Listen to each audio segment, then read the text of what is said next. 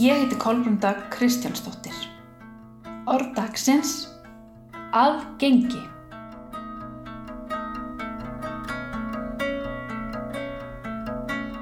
Ég þarf ofta að pæli aðgengi áður en að ég legg af stað eitthvert, hvort sem það er í heimsók, pantatími klippingu, á leiksýningu eða í ferðalag.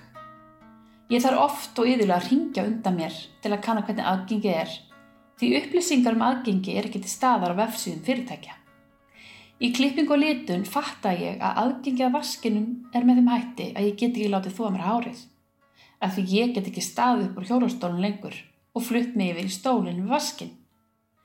Ég er konan sem sendi tölvupost á miðasöluna í leikúsinu til að panta miða. Ég er konan sem þarf að ringja á hótelið til að fá að senda mynd af hótelherbygginu svo ég þurfi nú ekki að fara í fíluferð. Hér á landi vill oft gleymast að fylgja aðgengistaðli samkvæmt byggingareglugerð. Ég er föllunarlistarkonan sem gerir gjörning á hjólastólaklósetun í hörpu, skrifa með rauðum varlit á speglana að ég get ekki séð mig í speklinum því hann er ekki réttri hæð og það er samfélagið sem gerir mig fatlaða. Ég hef barist fyrir bættu aðgengi frá því ég var umlega tvítug, meðan annars mótmælt við bæjarskustor í Hafnaferði og inn í alþingisúsinu. Ég er eina mörgum að minni kynsloð sem flosnaði upp úr mentarskóla sögum slæms aðgengis. Ég var nefandi í Ringsjá á leiði heimsókn í alþingisúsið með bekknum mínum en ég vildi ekki láta húsverðin taka mér í fangið og halda á mér upp stigana að því mér fannst það niðurlegandi. Í stað þess mætti ég með mótmálspjöld og stendi andirinn meðan bekkjafélag mínir fari skoðanaferð með húsið. Ég er á skemmtistað og ætla á salurnið, en það er læst. Ég byrð starfsmann að opna en er sagt að hjólastálaklóset er notað sem geimsla fyrir áfengi og skúringadótt. Ég afþakka að fara inn á skristofu og pissi flösku eins og sumir fallar karlmenn gera sem sækja hana stað. Ég tilkynni þetta til heilbriðs eftir litlisins. Ég er ofriska konan sem komst ekki á salirnið á kvænadildinni því það var ekki gert ráð fyrir mér. Ég er nýbjöku móðir sem komst ekki styrtu þar sem ekkert aðgengilegt baðherbyggi var á fæðingadildinni árið 1997. Ég er konan sem skriða bladagrein til að vekja aðtikla aðgenginu og mismunum á kvennadildinni. Í kjölfarið aðgengi lagfært, svo nú geta reyðamla mæður farið í styrstu. Ég er mamman sem þarf að keira fyrir utan heimil í dagmæra til að kanna aðgengi fyrir utan.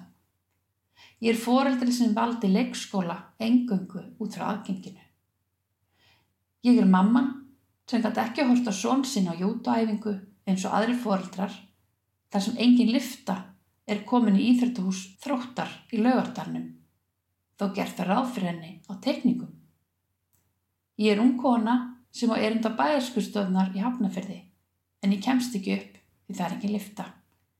Ég deg ekki ráðalus og fæ sterkustu koni Íslands til að bera mig upp stegana á fund bæjarstjóra. Ég stoppa umferð með því að hlekja mig útitinnar á bæjarskustónum í mótmælskinni. Það skilur árangri og lifta kemur í húsið. Ég er miðaldra kona sem banka á dittnar í listaháskólanum og sækjum nám. Ég er fyrsti nefnandin sem nota hjólastól í sviðslistadeild listaháskóla Íslands af því aðgengið hefur verið bætt.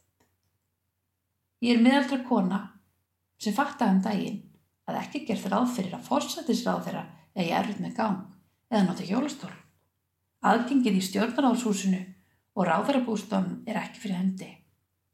Ég pæli í hvað ég geti gert í því. Ég er konan sem vil skapa afgengilegri framtíð fyrir mig og þig og komandi kynnslóður.